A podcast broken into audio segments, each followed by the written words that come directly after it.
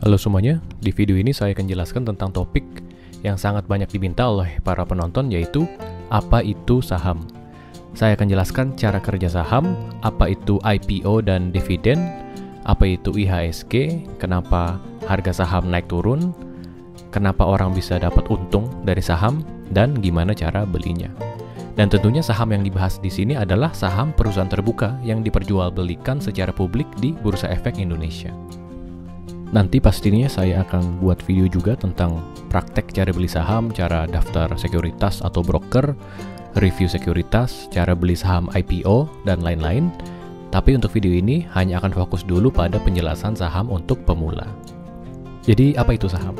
Saham itu adalah surat berharga yang mencatat kepemilikan kita pada suatu perusahaan. Satuannya adalah lot dan lembar.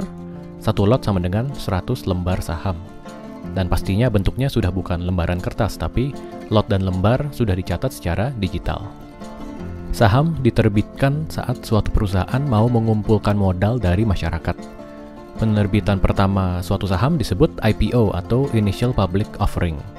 Pada IPO, suatu perusahaan menerbitkan sejumlah lembar saham dan masyarakat bisa beli. Uang yang terkumpul akan dipakai oleh perusahaan untuk kegiatan usahanya.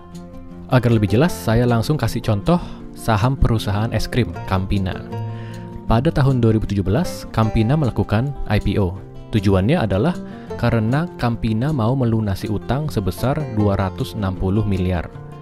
Jadi saat itu Campina menerbitkan 885 juta lembar saham publik dan itu merupakan 15% dari total saham Campina. Saat itu ketika IPO, sahamnya dijual pada harga Rp330 per lembar saham Berarti Campina dapat modal dari masyarakat 885 juta lembar saham dikali 330 rupiah per lembar menjadi sekitar 292 miliar rupiah. Pada saat IPO, uang bergerak dari masyarakat ke Campina. Jadi, masyarakat yang memegang saham tersebut bisa dibilang memiliki sebagian kecil perusahaan Campina, dan selanjutnya saham ini bisa diperjualbelikan oleh masyarakat di pasar modal. Transaksi yang terjadi berikutnya, uangnya sudah bukan masuk ke Campina, tapi akan masuk ke siapa pun yang melakukan transaksi jual beli saham tersebut. Saat dilakukan jual beli antar masyarakat, harga saham Campina ini bahkan sampai naik di atas Rp1.000 per lembar. Dan saat video ini dibuat, harga saham Campina sekitar Rp380 per lembar. Nah, kenapa harga saham bisa naik turun seperti itu? Ini disebabkan karena setiap orang menghargai suatu saham berbeda-beda. Bayangkan untuk saham Campina saja bisa jadi ada lebih dari 800 ribu orang Indonesia yang main saham dan pada detik yang sama mereka bisa punya pikiran yang berbeda-beda tentang harganya. Ada yang melihat dari kinerja perusahaan, ada yang melihat dari harga dan volume penjualan saham, bisa jadi ada yang menghargai berdasarkan rumor dan dari spekulasi, mungkin ada yang dulu udah pernah beli di harga yang lebih murah, Bahkan ada yang ngasal aja atau ikut-ikutan, dan masih banyak sekali yang bisa mempengaruhi harga beli atau jual yang diinginkan oleh seorang investor, dan kita tidak mungkin tahu semua alasannya. Tapi dari semua contoh di atas, masyarakat yang berpikir bahwa harga sahamnya di masa depan akan naik, bakal berusaha untuk beli sahamnya. Sebaliknya, orang yang berpikir bahwa harga sahamnya akan turun, bisa jadi akan menjual sahamnya. Ada yang dalam jangka pendek, misalnya dalam satu hari, atau ada yang dalam jangka panjang, misalnya dalam tahunan.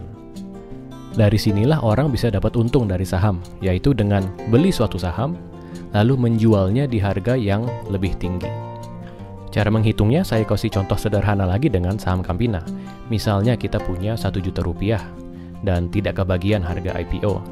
Tapi kemudian kita sempat beli di harga 500 rupiah per lembar. Berarti kita dapatnya 1 juta dibagi 500 rupiah per lembar sama dengan dapatnya 2000 lembar. Ternyata dua hari kemudian harganya naik ke 850 rupiah per lembar.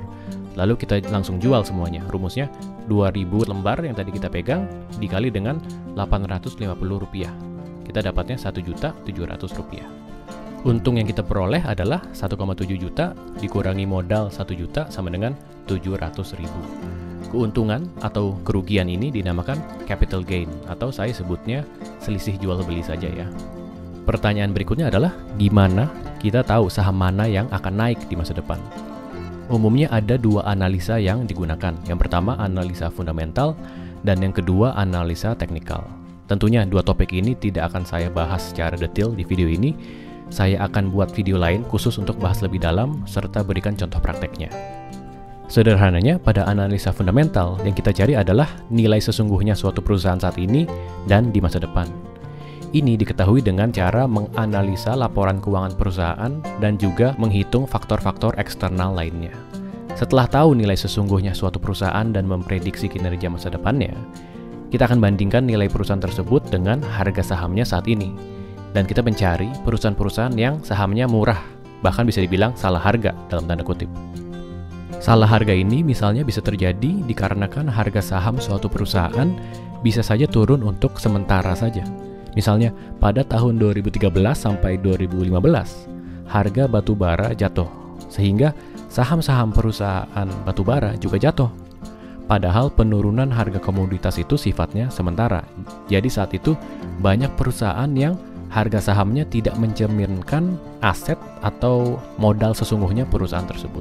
Dengan membeli saham yang sedang dalam tanda kutip murah, tapi sebetulnya bagus, harapannya adalah di masa depan perusahaan akan memperlihatkan kinerja yang baik, sehingga masyarakat lain juga akan sadar bahwa harga saham perusahaan harusnya tidak semurah ini, lalu apresiasinya akan naik dan harga saham tersebut akan naik. Analisa fundamental umumnya dipakai ketika beli saham untuk investasi dan lebih untuk jangka panjang, misalnya dari yang tiga bulanan sampai bahkan ditahan selama lebih dari lima tahun. Kedua adalah analisa teknikal. Pada analisa teknikal, yang kita lihat bukan kinerja suatu perusahaan, tapi lebih ke pergerakan harga dan volume jual beli suatu saham kita akan menggunakan chart untuk mencari pola dan tren harga suatu saham. Ini bisa dilakukan karena harga saham jangka pendek bergerak sesuai dengan supply and demand. Kalau banyak yang mau beli dan tidak ada yang mau jual, berarti yang mau beli harus menawarkan harga yang lebih tinggi. Dan ternyata pergerakan harga ini membentuk pola-pola dan tren yang kita bisa pantau. Contohnya, pada analisa teknikal kita sering akan lihat adanya support dan resistance. Untuk resistance misalnya, itu secara sederhana bisa dibilang adalah harga maksimum secara psikologis di mana masyarakat rela untuk beli saham tersebut. Dan bila harga tersebut tembus resistance, harga akan bergerak naik untuk mencari resistance baru. Jadi dalam analisa teknikal, harapannya adalah kita bisa beli saham ini sebelum saham tersebut banyak diincar oleh investor lain. Ini dilakukan dengan cara beli sahamnya di saat yang tepat, kalau tadi dengan contoh resistance, berarti kita harus beli saat harga sahamnya menembus resistance. Analisa teknikal umumnya dipakai untuk beli saham dengan tujuan trading. Jadi untuk jangka pendek bisa harian, mingguan, atau bulanan. Untuk merangkum analisa teknikal dan fundamental mungkin bisa semakin disederhanakan seperti ini. Pada analisa fundamental, kita cari barang bagus yang sedang diskon, jadi kita beli ketika diskon, lalu nanti kita akan untung kalau kita jual lagi dengan harga sesungguhnya. Sedangkan analisa teknikal, kita beli barang yang kita tahu bakal banyak dicari orang. Nggak perlu lihat apakah barangnya bagus atau tidak. Yang penting kita beli duluan, nanti kalau barangnya udah mulai banyak dibeli, akan semakin langka. Dan karena langka, harganya akan naik, dan kita bisa untung dengan jual di harga yang lebih mahal. Selain dari selisih jual beli, di saham kita juga bisa dapat keuntungan dari dividen. Tadi ketika kita beli saham, dikatakan bahwa kita memiliki sebagian dari perusahaan tersebut. Maka kita juga berhak atas keuntungan yang dihasilkan oleh perusahaan. Berapa jumlahnya akan ditentukan oleh direksi perusahaan dan disahkan oleh para pemegang saham pada rapat umum pemegang saham. Langsung kita pakai contoh ya.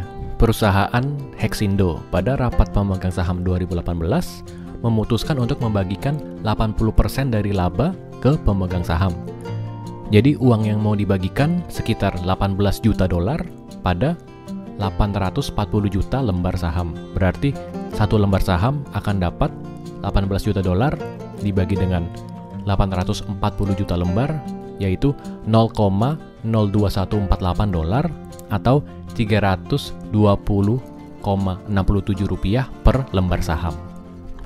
Jadi kalau misalnya kita pegang 3100 lembar saham, ya 3100 dikali 320,67 sama dengan 994.077 rupiah. Dividen ini akan dipotong pajak 10%, kemudian langsung masuk ke rekening saham kita. Lalu, apa itu rekening saham? Jadi, untuk beli saham, kita harus daftar dulu ke namanya perusahaan sekuritas. Sekuritas ini yang akan menjadi perantara untuk kita bisa beli dan jual saham. Kita akan dibuatkan yang namanya rekening dana investor yang akan menyimpan uang kita untuk beli saham.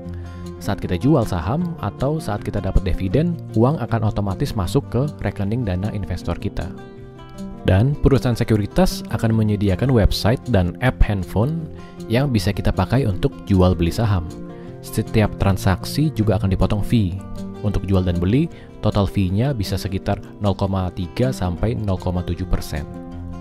Jadi, untuk memilih sekuritas, yang kita harus perhatikan adalah berapa fee-nya dan seberapa mudah menggunakan aplikasi atau websitenya. Jangan khawatir, nanti ke depannya pastinya saya juga akan buat video cara daftar serta review perusahaan sekuritas dan app-nya. Terakhir, saya akan jelaskan sedikit tentang IHSG. Jadi, setiap saham akan dicatat di Bursa Efek Jakarta. Setiap perusahaan akan diberi kode 4 huruf, misalnya dari perusahaan yang saya contohkan di video ini, Campina kodenya CAMP, Hexindo kodenya HEXA, dan Indofood kodenya INDF. Saat ini ada lebih dari 600 saham publik dan semua perubahan saham tersebut akan dirangkum dalam angka IHSG atau Indeks Harga Saham Gabungan. Setiap saham memiliki bobot berbeda tergantung dari harga sahamnya dan total lembar saham yang beredar. Semakin tinggi ini disebut kapitalisasi pasar, maka semakin tinggi saham tersebut bisa mempengaruhi pergerakan IHSG. Kalau kita mau mulai main saham, kita harus mulai memantau angka IHSG untuk melihat kira-kira pergerakan saham dan sentimen masyarakat sedang naik atau sedang turun. Kesimpulannya adalah, pertama, saham adalah bukti kepemilikan kita pada suatu perusahaan. Kedua, harga saham bisa berubah-ubah karena setiap orang menghargai suatu saham di harga yang berbeda-beda. Ketiga, kita bisa dapat untung dari saham, dari selisih jual beli, dan dari dividen. Keempat, untuk memprediksi harga saham, ada analisa fundamental dan analisa teknikal. Kelima, untuk beli saham, kita harus punya account dulu di perusahaan sekuritas.